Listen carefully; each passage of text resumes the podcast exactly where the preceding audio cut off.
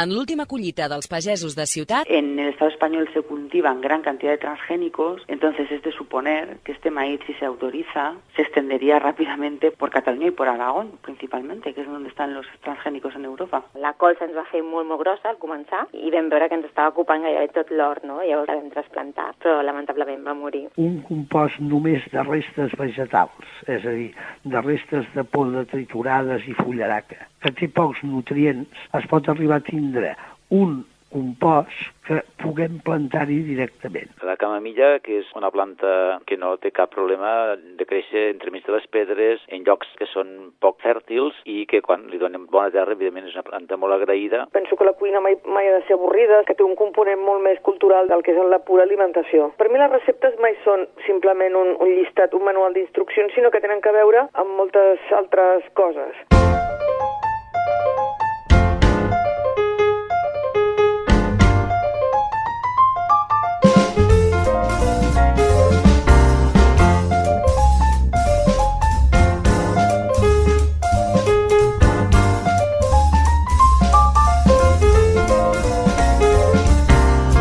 Contents de saludar-vos una setmana més als pagesos de ciutat us donem la benvinguda a l'espai més hortícola de la ràdio, com sempre, amb ganes de compartir experiències i coneixements relacionats amb el cultiu d'hortalisses en balcons, terrats i fins i tot finestres. Comencem una hora de programa en la que podeu fer-nos arribar els vostres comentaris escrivint-nos al perfil que tenim a les xarxes socials o a pagesosdeciutat.gmail.com. La salutació és del Diego Fernández al capdavant del control tècnic i l'Ester Casanovas preparada per posar-se a treballar. L'hort ens espera, així que escoltem el sumari i ens posem les mans a terra.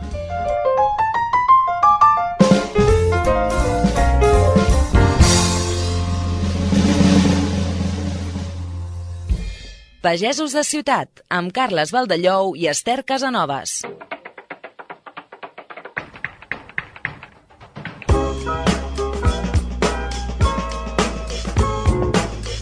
Avui deixem l'hort urbà en mans dels nens.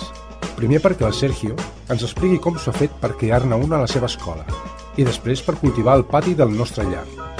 La Montse Escútia ens parlarà de projectes educatius al voltant de l'horticultura. Descobrirem les propietats medicinals d'una planta amb nom de personatge animat i des de la cuina de l'Ani Vainilla ens menjarem un arbre de raïms i gers. És l'hora dels pagesos de ciutat. Aquesta setmana alcem el taló del programa anant al teatre de l'Escola Sant Antonio de Carcaixent, on els alumnes de primer i segon d'ESO aprenen a través de la cultura la importància de tenir una alimentació saludable i equilibrada. I tot gràcies a un espectacle en el que entren a escena una verdolera, dos nens, un cuiner i set hortalisses molt especials.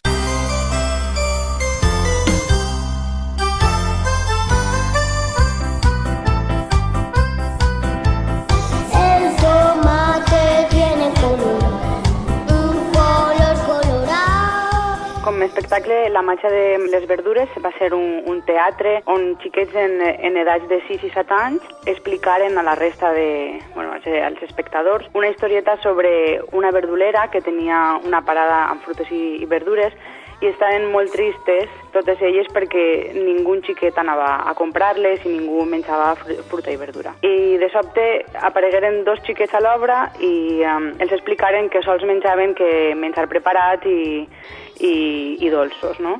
Aleshores van cridar a Carlos Arguiñano i a que es va vindre a explicar-los ingredients ne ne necessaris per a créixer i, i receptes màgiques i a partir d'ahir els xiquets es, do- es donaren compte que tot el que estàvem menjant no, no era una alimentació bona i decidirem menjar fru frutes i verdures. Triarem est- esta obra que la escrivirem nosaltres i bueno, volguérem anar més cap a un espectacle més, més educatiu, que tinguera el, un fons en la història. Em va sorgir parlant amb els xiquets i en una, en una dinàmica de grup, fent una enquesta, a veure com, com s'alimentaven i, i què menjaven, i ens adonaren que no menjaven quasi fruta, que no, no els agradava la, la verdura, i, eh, i, bueno, i a partir d'ahir ens, ens plantejarem fer alguna cosa bueno, més, més bonica no? i més educatiu, però que a la, a la vegada ells també disfrutaren i, i es donaren compte que, bueno, que tot no és, no és dolent. Al principi no els va agradar massa la idea,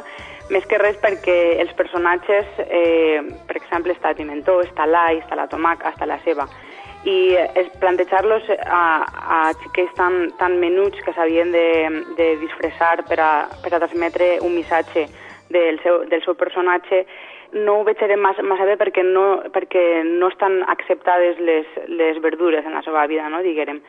Però poquet a poquet eh, farem un, un dossier de, en, en receptes que, que cada personatge havia de, de fer una recepta en què l'ingredient el principal fora el personatge seu i, i dir les, les qualitats i les propietats que tenia cadascú. I a partir d'ahir farem un, un dossier en, en receptes i, i vam estar introduint-los en, en el món de, bueno, de una alimentació saludable. I bueno, veurem que, que no anava a ser eh, avorrit, no? que pensaven ells que anava a ser com parlar de, de les verdures.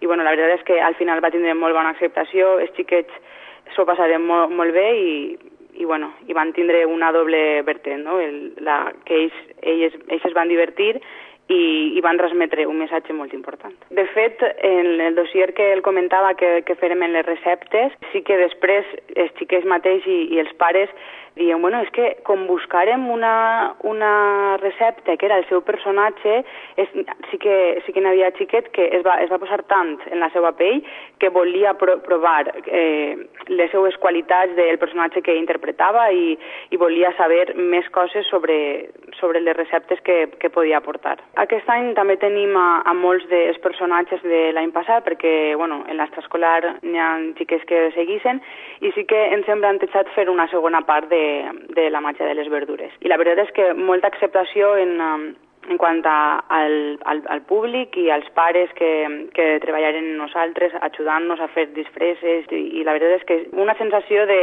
de que els va agradar molt.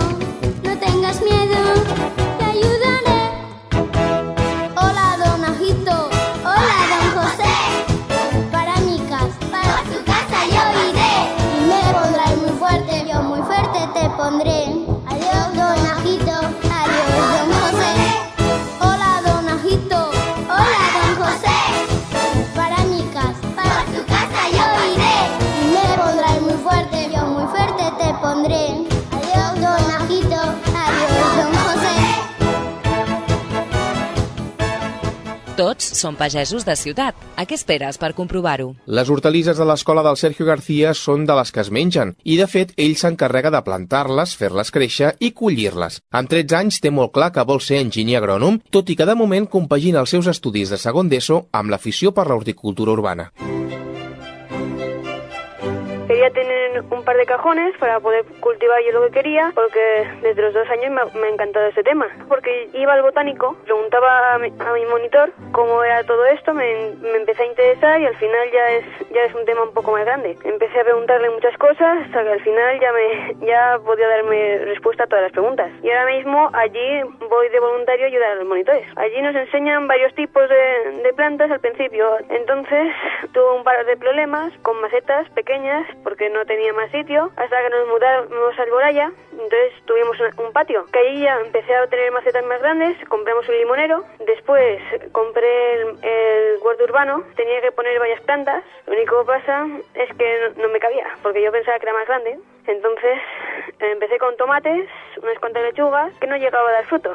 Porque aún estaba acostumbrándome a esta casa y no, y no me enteraba de que no bajaba el sol hasta lo que sería el nivel de las plantas hasta verano. Durante el invierno, el otoño y la primavera puedo plantar gracias a, un, a una cosa que descubrí el año pasado de unas farolillas que proporcionan suficiente luz para que puedan crecer las plantas. Como si fuesen unas, unas farolas pequeñas como los de jardín. Lo único que pasa es que cargándolas de una manera pueden hacer que tengan suficiente luz para crecer un poquito. No crecen como en verano, solo crecen un poquito. Compré las, las farolas estas en verano para iluminar el patio y descubrí que las plantas crecían mucho más junto a las farolas. gracias a una judía que me creció por, el manzano. Puse la farola todas las cañas y la judía creció, rodeó el manzano y volvió a bajar. Y después compré dos maceteros grandes donde planto varias cosas más. Lo primero que planté fue en tomates, judías, zanahorias, lechugas, rábanos por parte de mi abuelo, que me le hacía ilusión, y unas cuantas plantas más que no me acuerdo ahora. Hace un par de años me, me dieron rúcula, que yo no la conocía, y después me dieron una planta un poco rara, no, no me acuerdo ahora el nombre, que era como si fuese una patata, pero que no era una patata ni batata, era una planta un poco rara, que llegó a crecer un poco, pero después se murió. Cuando nos íbamos, cuando normalmente cuando volvía me encontraba 10 plantas muertas, porque nos vamos el mes de agosto, todo entero. Entonces el año pasado decidí avanzar un poco y ponerme con el sistema de riego por goteo. Los tomates se me llenaron de plagas, tuta. El limonero cogió cochinillas y unas minadoras, eso ya lo solucioné el año pasado, y alguna plaga más, orugas, he tenido bastantes. Compré un insecticida ecológico para las minadoras. Después el de la tuta también compré otro, porque es diferente.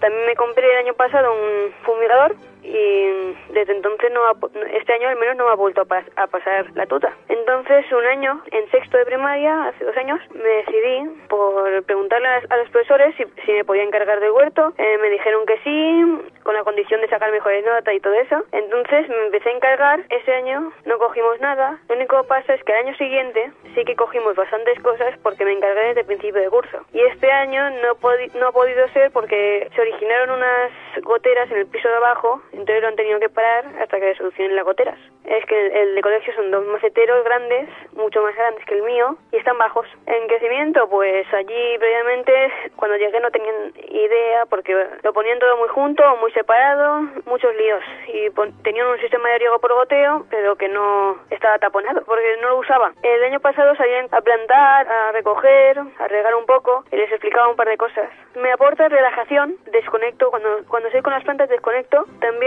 un entretenimiento, y me aporta comida un poco, y eso, que podrías empezar perfectamente, puedes comprarte primero unos cuantos macetones y desde allí ya puedes ir, ya puedes ir avanzando cuando vayas cogiendo un poco más de experiencia. Llevo años queriendo una parcela, lo único que pasa es que están muy caras. Tens alguna cosa a dir-nos? Escriu-nos a pagesosdeciutat.gmail.com Deixant de banda que ens hem quedat sorpresos imaginant a un nen de 3 anys assistint als cursos del Jardí Botànic de València i començant a cultivar un hort urbà a aquesta edat, el testimoni d'en Sergio ens ha deixat anar algunes pinzellades sobre alguns temes força interessants que aprofitarem per comentar. Començant per la necessitat de sol directe, que hauríem d'entendre no com una condició, sinó com una obligació. A l'hori ha de tocar el sol com a mínim durant 6 hores diàries perquè les plantes puguin créixer correctament. Ens van dir una vegada que el sol és el cor que fa bategar les plantes i no hi podríem estar més d'acord. El que passa és que quan les hortalisses comencen a créixer, algú sense experiència podria pensar que la planta ja va fent i que creix sense problemes. El resultat, però, no serà l'esperat. Si es tracta d'una tomaquera, tindrem una planta enorme, però sense fruits. Recordeu que, per norma, les plantes que necessiten més sol són les que fan fruits i les que es poden adaptar millor a ubicacions amb ombra són les de fulla i les d'arrel. Intenteu distribuir-les pel balcó, finestres o terrat d'aquesta manera i fins i tot en el jardí, on sovint les parets laterals, al mateix edifici de la casa o els arbres que hi pot haver, creen grans zones ombrívoles durant tot el dia. Abans de plantar res o de començar a moure terra, dediqueu uns dies previs a fer un planell de l'espai on penseu muntar l'hort. Observeu amb atenció a quines zones hi dona el sol i apunteu durant quanta estona ho fa. Un dia us parlarem de la il·luminació artificial, que tot i la despesa energètica que suposa i que la cosa no està en aquests moments per gastar massa llum, pot ser la solució per a aquells que teniu espai per l'hort i esteu molt engrescats, però us falta precisament el sol. Tornant al testimoni del Sergio i el rec automàtic que hi havia a l'escola i que no utilitzaven perquè estava embossat. Les aigües molt dures o amb molta calç acostumen a provocar aquest problema. Veurem que els goters van reduint el capdalt de mica en mica fins que queden totalment obturats. En un hort urbà o en un jardí, o la quantitat de goters és petita, la solució passa per desmuntar-los i posar-los en remull amb vinagre. En unes hores, la calç es dissol i els podem tornar a col·locar al seu lloc. Poden haver quedat restes també dins de les mànegues que també podem anar desmuntant per seccions i seguir el mateix procediment. Efectes pràctics pot ser més senzill renovar els tubs cada 4 o 5 anys, però amb un bon manteniment no seria necessari. Els pagesos ho tenen bastant més complicat, perquè en un camp poden haver uns quants milers de goters. Tradicionalment, la solució passava per injectar àcid nítric o fosfòric a l'interior del sistema de rec, de manera que quan comença a sortir pels goters, s'atura el rec i es deixa que el líquid faci la seva feina durant unes hores. Quan ja han passat, es desmunten els taps que es col·loquen al final de les mànegues, es torna a engegar el rec i així en surt tota la porqueria acumulada. Cada vegada estan sorgint novetats al respecte que són més respectuoses pel medi ambient, ja que la seva composició química o mitjançant els descalcificadors que s'instal·len a l'inici de la presa d'aigua. Hem fet un cop d'ull a les activitats que organitzen els Jardins Botànics Catalans i n'hem trobat un de situat en una petita població de Girona, es tracta del Jardí Botànic de Gombrèn, fundat el 1995 per les seves promotores, dues veïnes de la localitat, on cultiven plantes medicinals i remeieres, a més d'impartir-hi xerrades i cursos sobre els seus usos. Més conegut és el Jardí Botànic Mari Murtra, a Blanes, on s'organitzen visites guiades per a escoles i anualment la Setmana de la Ciència. A l'agenda del Jardí Botànic de Barcelona hi hem trobat més activitats tant per adults com pels infants, com les que consten en el seu apartat d'agenda escolar que estan classificades segons les edats de la canalla a qui van adreçades. El Jardí Botànic de Salou, el grup d'estudi i protecció d'ecosistemes catalans, organitzen activitats infantils gratuïtes cada tercer dissabte de mes. Si teniu fruiters, us pot resultar interessant un curs que hi farà properament sobre poda i protecció dels cultius i a la seva pàgina web ja hi ha penjada l'agenda que arriba fins a l'octubre de 2014. Cada dia som més pagesos de ciutat. Acabem intentant esbrinar quina és aquesta planta estranya de la que ens parlava en Sergio i que definia com una mena de patata, que no és una patata ni un moniato. Podria tractar-se del chayote, sidra, xuxu o patata de l'aire, una hortalissa provinent de Sud-amèrica, de la família de les cucurbitàcies, i que dona un fruit amb un aspecte a mig camí entre una carbasseta arrugada o una patata. El més habitual és que te'n donin un de fruit que has de plantar quan comença a brotar, just per on hi havia el peduncle que l'havia unit a la planta mare. No s'ha d'enterrar a terra perquè pot podrir-se i només cal deixar-lo a sobre del substrat, on començarà a créixer i intentar que tingui lloc per emparrar-se amb facilitat. Fa unes fulles molt boniques, en forma de cor, i els fruits poden consumir-se guisats o crus. Té un gust particular, a mig camí entre un carbassó i una pera, i cal collir-los quan són petits perquè, si no, es tornen fibrosos. La llavor també és comestible, així com les fulles i les tiges, de les que en trobarem nombroses receptes a la xarxa. Tots són pagesos de ciutat. A què esperes per comprovar-ho? Casos tan vocacionals com el del Sergio no són habituals i és per això que iniciatives com la dels horts escolars tenen un paper capdalt a l'educació alimentària pels més petits. El del nostre llar de Sabadell n'és un exemple. L'escola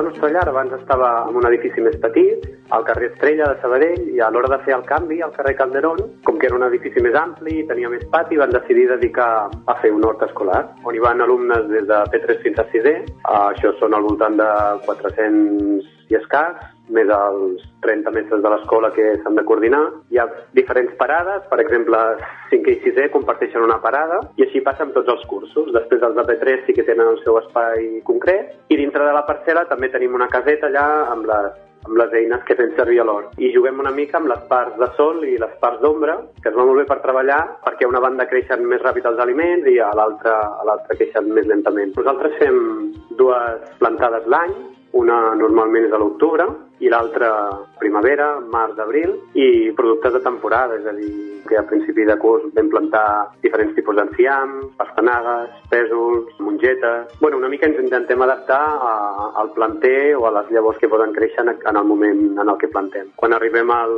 setembre, després de tot l'estiu sense que ningú hagi tingut cura, sembla com una petita selva. Llavors el que fem és traiem totes les males herbes, espongem la terra, els ensenyem els diferents tipus d'eines que hem de fer servir, no? A mesura que són més grans, doncs el tipus d'eines que podem fer servir són més, més adequades i un cop tenim la parada, doncs esponjada, la tornem a regar, decidim una mica què és el que plantem. Tenim en compte el que havia plantat el curs anterior, fem rotació de cultius i amb, la, amb les llavors o planters de temporada, doncs amb els alumnes decidim què és el que, què és el que plantem. Tenim uns assessors que per mitjà de l'Ajuntament ens, ens donen una formació, llavors quan ens trobem amb petits problemes ens adrecem amb ells perquè ens donin solucions. Si tens una plaga, doncs podries fer servir qualsevol producte químic i acabar amb ella, però clar, no és el que fem. Que tenim molts cargols, doncs el que fem no és fer servir productes químics, sinó que potser ens adrecem a aquesta gent i ens diuen podríeu fer-lo de la cervesa, no? O podríeu anar i fer com una mena de batudes amb els nens i després estudiar aquests animals, ho gestionem de tal manera que comencem a ser conscients no? que la pastanaga no ve amb un mànec de 14 pastanagues amb una goma de pollastre i envoltada de plàstic, sinó que ve de la terra i llavors quan parles dels aliments i de les fruites i de les verdures, doncs no és el mateix fer-ho amb un llibre no? i dir que això ve de la terra i que hi ha pagesos que es dediquen a cultivar-ho, sinó que nosaltres ho ensenyem i és molt més vivencial. Si hem de mesurar parades, si hem de mesurar el tall, quan ha crescut la planta, això també és molt relacionat es pot relacionar molt fàcilment amb les matemàtiques. Tot el que tenim plantat ho tenim en català, castellà i anglès. Per tant, també relacionem una mica amb les llengües. Quan fem la recollida de, del que tenim plantat, doncs potser pensem en una recepta i hem de redactar aquella recepta. Per tant, també treballem la llengua. És una mica aprofitar l'hort per fer totes aquelles assignatures per treballar d'una manera interdisciplinar. Quan collim els fruits, el que fem normalment, per exemple, els de sisè teníem plantats enciams i vam tenir enciams per, per tothom, per tothom que va voler, perquè som 50 i potser teníem uns 40 enciams. Doncs què vam fer? Els vam repartir. L'any passat vam plantar coliflors i bueno, vam tenir problemes i no, no van créixer totes les que teníem plantades. Llavors, dos dels nens de la classe es van oferir voluntaris per emportar-se les coliflors que teníem i a casa les van cuinar. Total, que l'endemà ens vam menjar el que van cuinar a casa aquells dos nens. Per tant, tot el que tenim plantat sempre intentem repartir-ho entre els nens que ho van cuidar i si no es pot repartir així com et deia dels ancians, doncs intentem que una família o dues se'n facin càrrec, ens ho cuinen i el dia següent ens ho mengem tots junts. Jo crec que els aporta una vivència molt important de, re, de realisme, no? Les pastanagues, com tu dius, no creixen al prestatge del súper, sinó que venen de la terra. Llavors, a partir d'aquí també pots relacionar-ho amb els animals, és a dir, el tall de pollastre que tu trobes a la carnisseria tampoc ha nascut allà, no? Ve d'una granja. És molt interessant i és una forma de treballar molt més adequada que fer-ho només amb un llibre. Clar, els fem molt més responsables. Tu pensa que s'han d'encarregar de preparar una parada, pensa que els de 5 i 6è, que són els més grans, potser ajuden als d'educació infantil, perquè, clar, potser els d'educació infantil no poden agafar segons quines eines per esponjar la terra, no? Doncs llavors és una mica és col·laboració, és responsabilitat, és fer-se una mica grans també, és donar-los la importància de, ei, és que nosaltres ens encarreguem d'una part de, de l'hora de l'escola i hem de ser conscients de que tenim aquesta responsabilitat.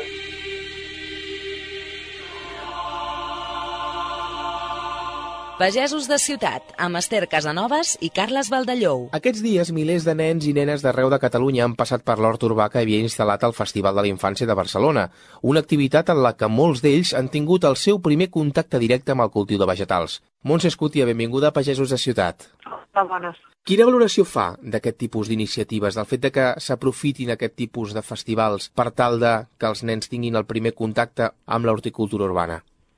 A mi em sembla molt bé perquè és un espai lúdic on els nens van a gaudir, a passar-s'ho bé i llavors bueno, que puguin descobrir que l'hort també pot ser un espai de diversió, encara que sigui durant un temps molt limitat, però que es poden fer activitats divertides i que poden bueno, doncs aprendre alguns conceptes sobre una bona alimentació, sobre el contacte amb la terra, el respecte pel medi ambient, doncs és una bona oportunitat i a mi em sembla fantàstic doncs, que s'aprofiti també. Quina és la reacció dels nens quan arriben a, a un hort urbà d'aquestes dimensions, d'aquestes característiques? Els nens tenen molta tendència a, a anar per les coses manipulatives, el contacte amb la terra, els agrada molt, Evidentment depèn molt de si el nen ja ha tingut contacte abans amb un hort, per exemple a l'escola, o no. I la primera reacció és, també depèn de l'edat del nen, però anar a posar les mans a la terra, anar a tocar les plantes, agafar les eines, i per tant és, és un objecte molt, molt atractiu per ells perquè els hi permet manipular, els hi permet embrutar-se i, i bueno, jo crec que ja és molt innat eh, com a espècie humana els nens tenen tendència a agafar la terra del, dels pestos i menjar-se-la i els agrada no? aquesta sensació. Per tant, eh, és una eina molt atraient per a ells. Dèiem que molts d'aquests nens entren en contacte per primera vegada amb un hort urbà en aquest tipus d'activitats. D'altres, en canvi, com vostè comentava, a l'escola ja tenen un petit espai on poden cultivar hortalisses. Han detectat un augment en el número d'escoles que dediquen part de la seva educació o part dels seus espais a un hort urbà? hem detectat un augment de l'interès. A vegades hi ha més escoles que truquen, que es posen en contacte, seminaris també, ajuntaments, que dinamitzen el conjunt de totes les escoles que hi ha en aquell municipi doncs, el tema de l'hort escolar. I evidentment no podem parlar de xifres perquè no existeix un cens de les escoles que tenen hort escolar i per tant no es pot comparar i veure una evolució, de fet és un tema pendent, eh, però sí que podem, diguéssim, detectar indirectament amb aquest augment de, de l'interès i veure que l'hort escolar cada cop està a més llocs. La Montse Escuti és responsable de Mama Terra, un projecte educatiu de l'associació Vida Sana. Montse, exactament com es treballa des d'aquest projecte amb aquestes escoles que tenen interès per tenir un hort urbà? Nosaltres el que vam detectar és que hi havia molt interès per educadors en, en tenir eines per treballar l'hort escolar, que es trobaven molt perduts i des del projecte Mama Terra, diguéssim que per una banda organitzem paral·lelament a la Fira Biocultura, que es fa des de Vida Sana, un festival on els nens poden treballar tema d'hort escolar, alimentació ecològica, però també hem fet, eh, diguéssim que hem posat l'accent amb l'elaboració de material que es pugui fer servir després a, a les escoles. Llavors tenim a través de la pàgina web mamaterra.info algun d'aquest material disponible per les escoles, però també hem col·laborat amb la Generalitat de Catalunya per, per poder editar doncs, una maleta pedagògica que es diu de l'Horta a Casa, on hi ha doncs, la maleta que està en préstec als centres de, eh, de recursos pedagògics i que les escoles poden demanar i tenen tot un material, llibres. També vam editar un CD interactiu amb, amb jocs eh, per l'ordinador perquè els nens treballessin aquest tema. I bé, eh, diguéssim, és eh, donar recursos a totes les escoles que treballen l'hort. L'últim que hem posat en marxa és un premi que també en col·laboració amb la Generalitat de Catalunya, que es diu Escola Agricultura i Alimentació Ecològica, que la primera edició la vam fer l'any passat i ara al mes de gener presentarem la segona edició, també amb l'objectiu doncs, de premiar per una banda la tasca dels educadors amb, amb, amb les escoles, amb, a, a partir de, de, de temes relacionats amb agricultura, amb alimentació, molt centrat també, evidentment, amb l'hort escolar, però eh, precisament fer aflorar no? recursos que aquestes escoles estan fent servir, com ho fan, per poder-ho veure i també doncs, posar a disposició d'altres escoles que puguin estar interessades. Aquesta maleta pedagògica de la que ens has parlat està adreçada a professors d'escoles on no hi hagi absolutament cap tipus d'hort? Hi ha, alguna, hi ha temes, que, o sigui, dins de la maleta hi ha recursos que es pot fer servir en una escola que no tingui hort. Per exemple, doncs el CD interactiu, que és, són jocs d'ordinador i també algunes, no tant de jocs, sinó educatives pels nens, que poden anar treballant, encara que no tinguin un hort directament. Hi ha també algun material per fer jocs motrius, hi ha unes carotes eh, que representen doncs, una col, una marieta, un pugó, on els nens, bueno, hi ha, hi ha diferents versions de jocs els nens poden jugar ocupar diferents papers i perseguir-se i poder estudiar, i després hi ha, joc hi ha un joc de taula que li diem la bioca, que és com un, el joc de l'oca, però amb una sèrie de preguntes relacionades a entorn de l'hort escolar. Per tant, una escola que no tingui... No són només activitats per fer directament a l'hort, sinó precisament també per engrescar escoles que no en tinguin, a veure que, que es poden fer activitats independentment de si el tens o no, i a més a més també material pels professorat perquè si estan interessats a posar en marxa un hort puguin saber com fer-ho. Entenc que aquestes maletes s'han de demanar, no se'ls envia. O sigui, als centres de recursos pedagògics, no sé si ho coneixeu, n'hi ha un com a mínim a, a cada comarca i després hi ha comarques en funció de la població que, i de les escoles que hi hagi que en tenen més d'un i llavors ells pre, donen en préstec per organitzar temes formatius i així a les escoles material, material que no té sentit que cada escola tingui el seu, i bueno, una de les, un dels materials que tenen és aquesta maleta pedagògica. En tenen diferents maletes per treballar diferents temes, eh?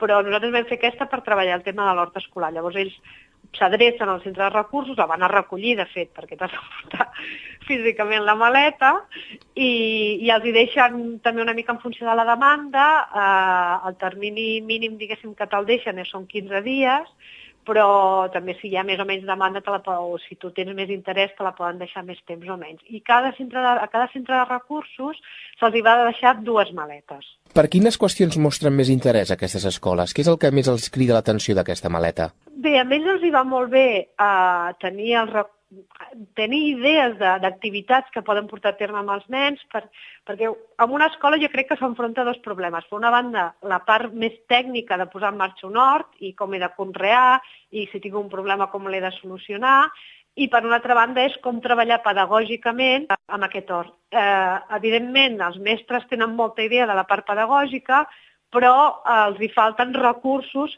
per donar suport. Mm, per exemple, el que us comentava, no? Doncs eh, ells poden saber a partir d'un joc o inventar-se un joc doncs, com explicar la, la cadena tròfica de relació entre doncs, una col, un pugó, una marieta i explicar tot el tema de, de control biològic a partir, però, però clar, si tu els hi facilites la carota, que ja, que ja se la poden posar els nens, doncs els estàs facilitant. O, per exemple, també hi ha un petit kit d'anàlisis de sol que si el mestre s'ho ha de buscar a la vida per aconseguir-ho és més complicat, que evidentment ho pot fer, o almenys tenir la idea de què eh, pot realitzar aquell kit per tenir-ho a la seva escola i després fer doncs, unes petites proves senzilles i segures d'anàlisis de sol. I bueno, també hi ha dins de la maleta algun conte perquè puguin treballar temes a l'aula. I evidentment el CD, clar, si tu estàs en una escola tu programar jocs sobre hort escolar no ho faràs, però si ja et donen el, aquests jocs que tu te'ls pots guardar, te'ls pots gravar i ja te queden per sempre per la teva escola, doncs podràs treballar amb els nens, introduir-los dins del coneixement de l'hort escolar a partir d'un tema que als nens els agrada molt, que és estar davant de l'ordinador. No? I és, és simplement dir, bueno, facilitem, donem unes eines i potser a partir d'aquestes eines eh, a tu se t'acudiran altres que pots fer servir. I, i la idea de, de la maleta pedagògica principalment és aquesta. Això pel que fa a les escoles que encara no han començat hort urbà, però aquelles que ja fa temps que en fan, cap on els porta l'experiència? Ells van... Bueno, hi ha com una mena d'evolució. Al principi l'hort escolar és, eh, arriba a l'escola o bé a través d'algun professor que està especialment interessat o grup de professors, o a través de les AMPAs, també hi ha molts pares que els interessa el tema i ofereixen a l'escola la possibilitat de, de posar-ho en marxa, inclús eh, pagant les AMPAs un tècnic que va allà i els hi munta l'hort i els hi fa el treball amb els nens.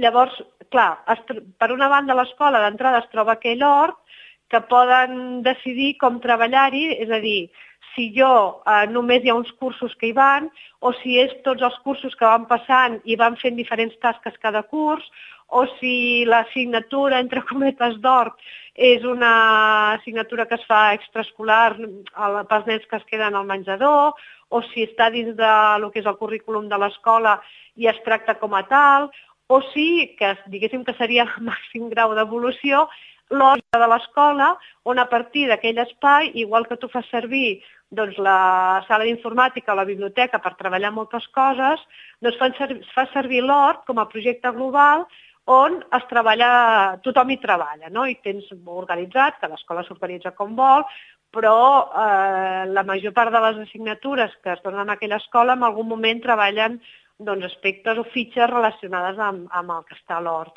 I bueno, de, també es fan temes més transversals, eh, com per exemple que una part dels aliments del menjador puguin sortir de l'hort o que algun dia, quan hi ha collita del que sigui, doncs els nens puguin tastar aquells aliments i inclús hi ha escoles doncs, que fan tallers dels, pels pares perquè també puguin col·laborar amb l'hort i conèixer el que és l'alimentació ecològica. O sigui que hi ha molts nivells de, de treball eh, de l'hort, des de la simple escola allà com un raconet més, on potser només treballen les ciències per veure com creix una planta, a les escoles que treballen temes molt globals, molt transversals, i l'hort és un element més de una eina, diguéssim, que té aquella escola per ensenyar-ho tot. és, és una mica... I aquest és l'objectiu, eh? que, que se pugui aprofitar i treure realment molt de suc a aquesta eina on els nens surten fora de l'aula, eh, eh, aprenen fent, que és el veritable eh, aprenentatge, no? Allò que diuen, si faig, aprenc i ja se'm queda per sempre perquè ho he viscut, no? I, i l'hort permet aquesta vivència. I després també pot haver-hi una evolució més a nivell de tipus d'or, no? I aquí comença amb, amb un or molt senzill i va complicant, no? I acaba doncs, construint un petit hivernacle perquè això els hi dona possibilitat de conrear durant més temps o avançar les produccions, o sigui que hi ha com dos eh, vies de, de fer-ho més complexa, no? aquesta relació de l'escola amb l'hort. Per una banda el tipus d'or i per l'altra banda el treball que aquella escola fa a partir de l'hort. Un dels projectes de Mama Terra és la convocatòria del Premi Escola Alimentació Ecològica. Hi ha canvi respecte a l'edició de l'any passat? Uh, diguéssim que el, el termini, eh, nosaltres el presentarem el mes de gener, donarem també un termini eh, per presentar a les escoles el projecte, Intentarem, respecte a la primera edició del Premi, ser més curosos amb, amb definir el tipus de memòria que hem de presentar, perquè sí que ens hem adonat que eh, encara que vam donar les pautes, si la memòria que presenten les escoles entre elles és molt diferent, costa una mica de, de comparar i poder avaluar. Intentarem que siguin al màxim d'homogènies dins del possible les memòries perquè després el jurat tingui la feina més senzilla. Llavors donarem un termini eh, de mesos de febrer i març per presentar aquests projectes. És bueno, simplement una memòria no massa, massa complicada i el premi el tornarem a donar dins del Mar d'Agricultura Barcelona, que és la primera setmana de maig. En la primera edició del Premi Escola Agricultura i Alimentació Ecològica es van presentar 105 escoles. Quin perfil tenen els horts que es van presentar? Bé, va ser bastant heterogeni, el que sí que la majoria, evidentment, perquè potser són, segurament està allà més l'or, eren escoles de primària, tant públiques com privades, i bé, eh, els projectes, la veritat és que són, són bastant diferents, eh, perquè cadascú té l'hort eh, una mica com vol, i la idea també era que el premi no sigui només a, a l'hort en concret i a com s'està portant aquell hort, sinó un projecte concret a, a partir de, o sigui, de treball a partir d'aquell hort. I per tant, eh, el, el, diguéssim que el ventall era molt diferent, no? des d'una escola de Reus que feien un treball eh, pel tema dels calçots, per exemple, o bueno, doncs una escola més de, de muntanya o, o escoles rurals, no?, que agrupaven més el tipus de fruites que tenen allà i que treballaven conjuntament. La veritat és que ens ha sorprès això, no?, veure que, que els projectes eren com molt diferents, molt adaptats cadascú a la seva realitat i per, precisament per això molt, molt enriquidor, no?, perquè trobes eh, idees de, de molts tipus diferents, no? gent que posa més èmfasis, per exemple, el tema del compostatge, o gent que posa més èmfasis a, a recuperar una certa varietat eh, d'hortalissa perquè col·laboren amb un banc de llavors que hi ha a la seva zona, o gent que posa més èmfasi al tema de col·laborar amb el menjador escolar i, per tant, produir d'horta. Eh, bueno, la veritat és que molt variat i, i per, precisament per això molt, molt enriquidor. Us consta si a través de la xarxa s'han agrupat d'alguna manera aquestes escoles per compartir experiències? No, o sigui, clar, eh, no, no hi ha hagut, diguéssim, la feina posterior. Nosaltres el que sí que hem fet és eh, penjar a la pàgina web de Mama Terra els, els, els treballs premiats.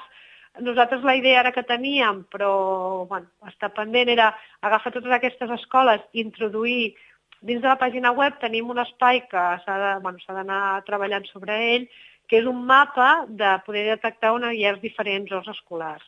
Llavors, volíem eh, que tots aquests horts que es van presentar al premi poder, poder introduir-los dins de la pàgina web perquè tothom sapigués on hi ha escoles i amb una adreça de contacte, bueno, posant evidentment l'adreça de contacte d'aquella escola, perquè qui estigui interessat amb, amb el tipus de treball que es fa en aquella escola eh, pugui posar-se en contacte. Evidentment, amb una mena de fitxa resum de cadascun dels projectes eh, perquè les persones puguin veure exactament doncs, si en aquella escola quin tipus d'hora s'està treballant, quin tipus de, de temàtiques insisteixen més.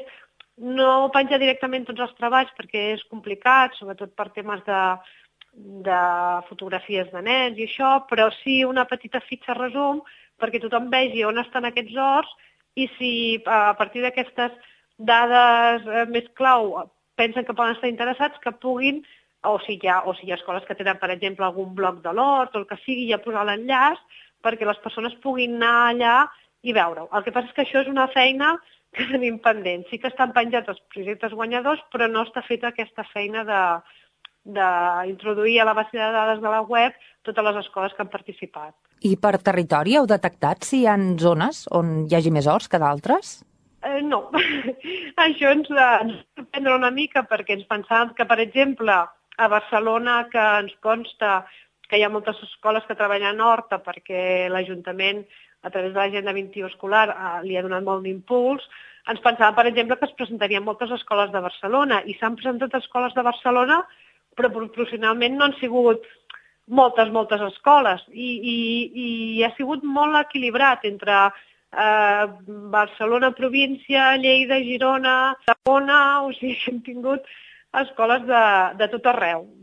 La veritat és que nosaltres ens temíem una mica això, de, de que estigués com molt concentrat eh, l'oferta o, o els premis, la gent que es presentés a la zona metropolitana, a Barcelona, perquè evidentment ens consta no? que hi ha moltes coses que estan treballant, però no, a l'hora de presentar-se al premi doncs no, no ha sigut el cas. El que demostra que l'interès per l'hort urbà no només afecta les escoles de Barcelona, sinó d'arreu de Catalunya. Avui ens hem volgut apropar a aquesta vessant educativa dels horts urbans parlant amb la Montse Escútia, que és responsable del projecte Mama Terra, un projecte educatiu i dedicat a l'ensenyament que té a veure amb l'horticultura. Montse Escútia, moltíssimes gràcies per atendre la trucada de pagesos de Ciutat i enhorabona per la feina. Molt bé, moltíssimes gràcies per tornar-me a convidar i quan vulgueu saber més coses o veure com ha anat la segona edició, doncs encantada de participar. L'Àngel de l'Hort.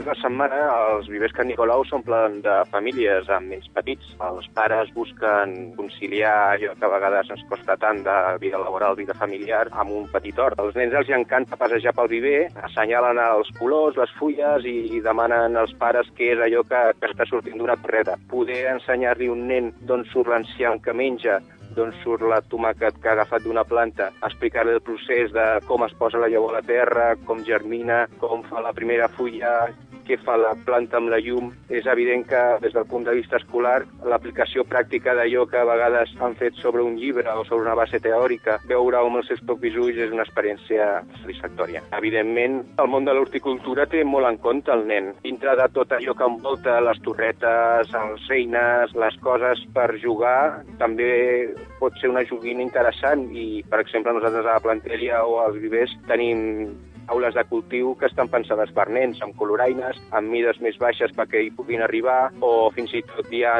cases com la Casa de Llavors Fitó que han fet un pack expressament pensat per nens, que es diu Mi primer semillero, on hi donen tot el necessari per, bueno, com, com un joc. Hi ha unes torretes biodegradables, hi ha un sac de substrat, unes llavors, fins i tot uns estics per poder posar el nom d'allò que es cultiva. Hi ha un, un interès per les empreses en què els nens mm, esdevinguin horticultors i pagesos de ciutat en el futur. Vull dir, la planta no ho sap que l'està cultivant o l'està fent germinar un nen o un adult. El que sí que és reduir mides, les eines per nens són més petites, amb més coloraines perquè siguin més atractives, però la llavor d'un tomàquet és una llavor de tomàquet pel pare i pel fill. De manera que, evidentment, el procés de germinació i el producte final mm, és igual, és igual, és, un, és, és una planta d'hort. No tinguis por a preguntar.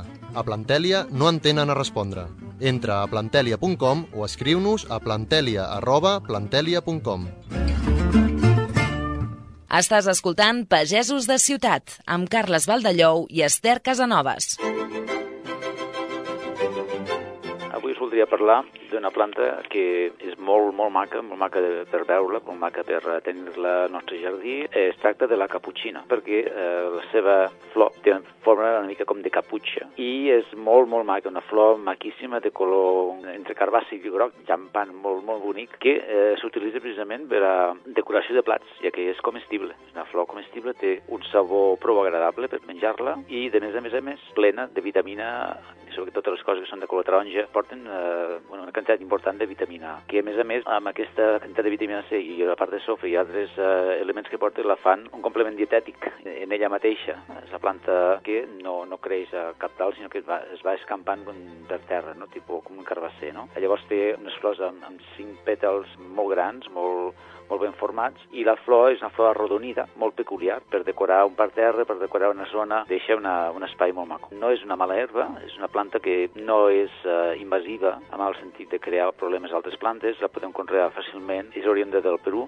de, de, de la zona de Sud-amèrica. Llavors el que han de fer és cada any s'ha de sembrar de nou, és a dir, les arrels a l'hivern moren, i s'ha de fer eh, en un lloc eh, que hi hagi una temperatura suficient com per créixer, és a dir, en llocs molt freds o llocs que eh, l'estiu és curt, doncs no creixen massa bé. Pot créixer prou bé, donant-li també un rec eh, prou abundant i que tingui unes, eh, una quantitat de sol també adequada. És una planta també que ens ajuda molt a, amb el tema de digestiu, no? Ens provoca que la, els sucs eh, gàstrics treballin millor, ja que genera que el, el fetge pugui generar més quantitat de suc gàstric per que tingui una, una digestió millor. No? També és diurètica, és a dir, se, se fa, elimina l'excés d'aigua i eh, per ús extern també matxacada, fent en, en forma de cataplasma, directament sobre les ferides, és molt desinfectant, com a loció capilar. Juntament amb, amb ortiga, barrejat, es fa una infusió, eh, macerar amb, amb alcohol, llavors es deixa això per uns 15 dies o així, i s'exprimeix aquesta maceració. La maceració vol dir que ha quedat estopat però sense calentar-ho, eh? de caputxina i també d'ortiga, 100 grams cada una, i després es filtra aquest líquid allà i s'utilitza com massatge als cabells dos cops al dia. Això ajuda a revitalitzar el cabell, a que tingui més força, queda un cabell més lluent. Pagesos de Ciutat, amb Esther Casanovas i Carles Valdellou. Els nens i nenes als que dediquem el programa d'avui formen part de la coneguda generació digital i és per això que també aquesta setmana hem collit a les xarxes socials.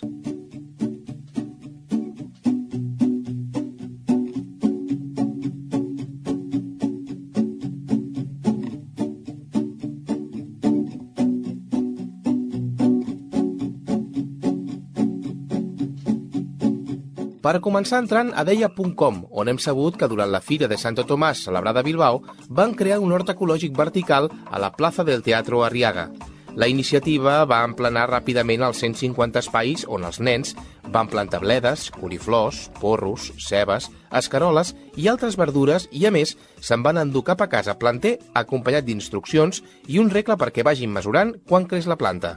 A la revista Nature han publicat que un grup d'investigadors del Centre de Regulació Genòmica de Barcelona ha obtingut el codi genètic de la remolatxa sucrera. El descobriment permetrà caracteritzar aquells gens implicats en la producció del sucre, el que ajudarà a obtenir noves varietats que produeixin més edulcorant i de major qualitat, a l'hora de poder fer-los més resistents als factors que influeixen negativament en el seu cultiu. A l'agroquímica sostenible trobareu un reportatge molt interessant sobre el sofre, el azufre en l'agricultura. Sabíem que és un fungicida preventiu, però que també té altres característiques com a corrector del sol o activador de clorofila.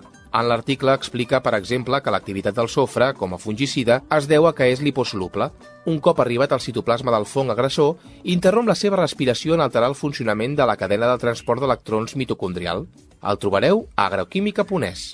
Fa pocs dies, Greenpeace va publicar el resultat d'un estudi científic en el que mostra que l'aigua exudada per plantes sembrades a partir de llavors que van ser tractades amb insecticides d'origen neonicotinoide contenen concentracions molt altes d'aquests productes, el que també dona lloc a una exposició potencialment mortal per les abelles que veuen d'aquests líquids. I acabem recomanant-vos el documental Despertar a la Terra, un treball dirigit pel mexicà Raúl Álvarez, que ell mateix defineix com una aventura personal a través dels aliments i l'agricultura que es va convertir en una exploració espiritual sobre la nostra relació amb la Terra. La Terre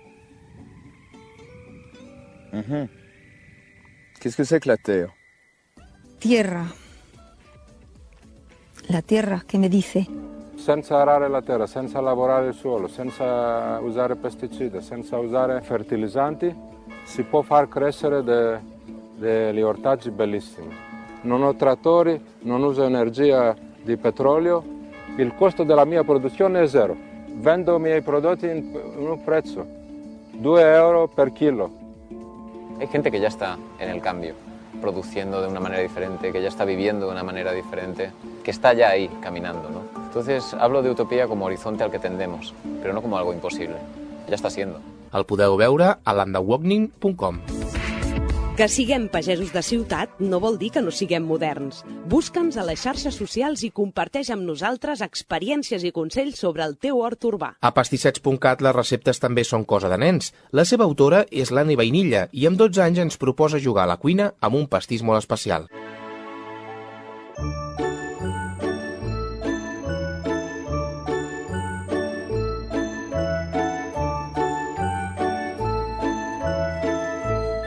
Bueno, Pastissets neix perquè jo sóc una persona molt llaminera que des de ben joveneta doncs, m'ha agradat preparar els dolços a casa I bueno, doncs arrel d'anar acumulant moltes receptes, va arribar un dia que vaig tenir ganes de compartir-les doncs, amb, amb, amb una manera fàcil, era fer un blog i poder també tenir una recopilació jo d'aquestes receptes que anava fent. Les receptes surten de tot arreu, surten de llibres, surten d'internet, surten d'amigues que, que te'n passen una, surten de familiars, antigues, tinc en compte que sigui molt ben explicat, eh, sempre intento ser molt clara, perquè com que jo també sóc molt usuària d'altres blogs, m'agrada que, que s'entengui molt bé, m'agrada que les fotos siguin clares, que es, vegi, que es vegi molt bé el que realment aniràs a fer. Sí que intento explicar-ho tot molt bé. Hi ha aquesta diferència en posar-hi l'accent en, el, en el detall de les cosetes. Unes magdalenes mateix, que les pots fer posant-les en unes càpsules de paper, i si aquestes càpsules de paper les poses a dintre d'unes càpsules d'alumini,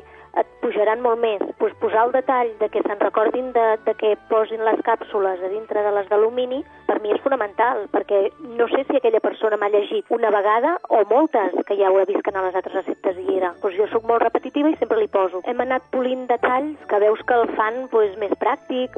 Pues mira, última, l'última reforma que vam fer va ser aquest estiu i vam intentar pues, fer un índex per foto perquè la gent a vegades tu vas llegint els anunciats de, de les receptes i no t'acabes de fer una mica l'idea del que serà això. I si ho tens per foto, doncs sembla que t'entra més, no? I com això, doncs l'estètica, que, que es vagi veient cada vegada més modern, més cuidadet. I els reptes de l'Ani, doncs és, és això de que ella troba una recepta que li fa gràcia, que realment això ja ho, ja ho feia, aquest pas previ ja el feia ell abans. Però era una manera de poder-ho compartir amb altres nens, perquè de fet a la xarxa, doncs, de reptes per persones grans n'hi han moltíssims. És que cada mes et trobes un, un fotimer, però en canvi de reptes per nens, doncs, actualment em sembla que no n'hi ha cap. I això era una manera de que els nens introdueixin a dintre de les cuines, puguin col·laborar amb les mares i fer les seves receptes, i, i això doncs, van, van sent com progressiu, no? L'Ani va començar des de ben petitona amb mi a la cuina ajudant-me, mica en mica eh, es va anar canviant pues, de tenir jo més protagonisme a tenir-lo ella, fins que arriba un moment que ja és pràcticament ella sola la que, la que realitza les receptes, no? I és en aquest punt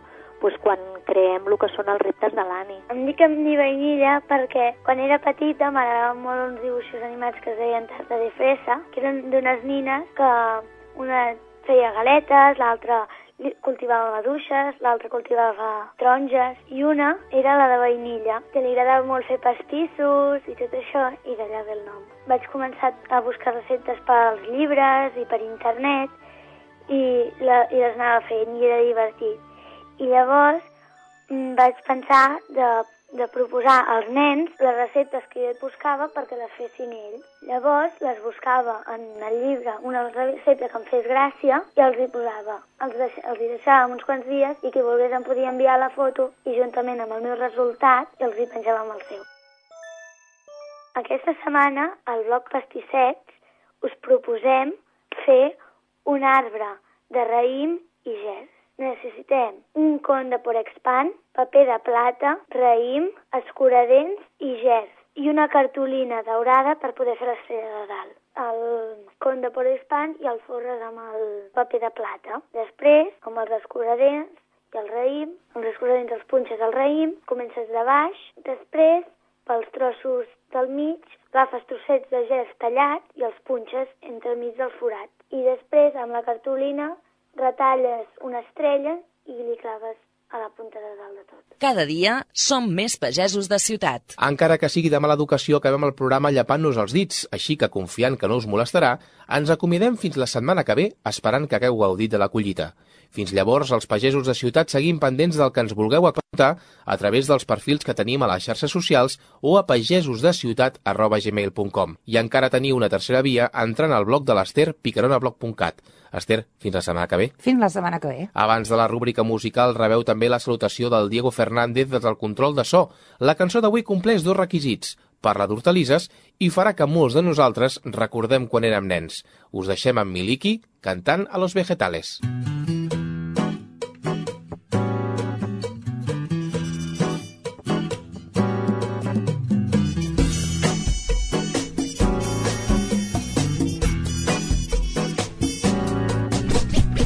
Doña Coliflor y una lechuga se miraban con mirada de amargura y las dos se lamentaban de esa vida tan mojada, pues el riego era siempre una tortura. Decían que vivían y crecían, pero nunca caminaban ni sentían, condenadas a vivir bajo tierra la raíz, pues tan solo por allí se alimentaban. Y doña Lechuga presumía de su tallo que sus hojas sostenía, protegiendo la absorción y también circulación de la savia que su cuerpo recorría. Doña Coliflor le comentó que sus hojas eran una bendición, realizando su misión, clorofílica función que facilitaba su respiración. Qué rico vegetal, vegetal, qué rico vegetal, oye, vegetal, de forma natural, vegetal, la tierra te lo da.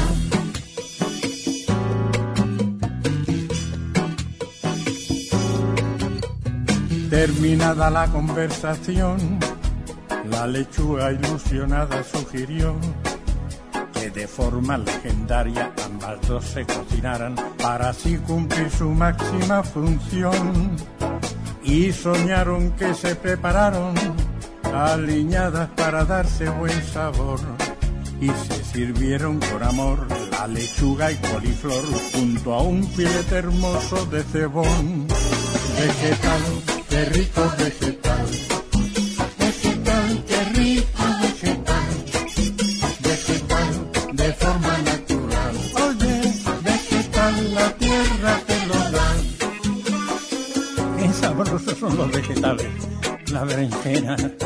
calabacines, los pimentitos, las cebollitas.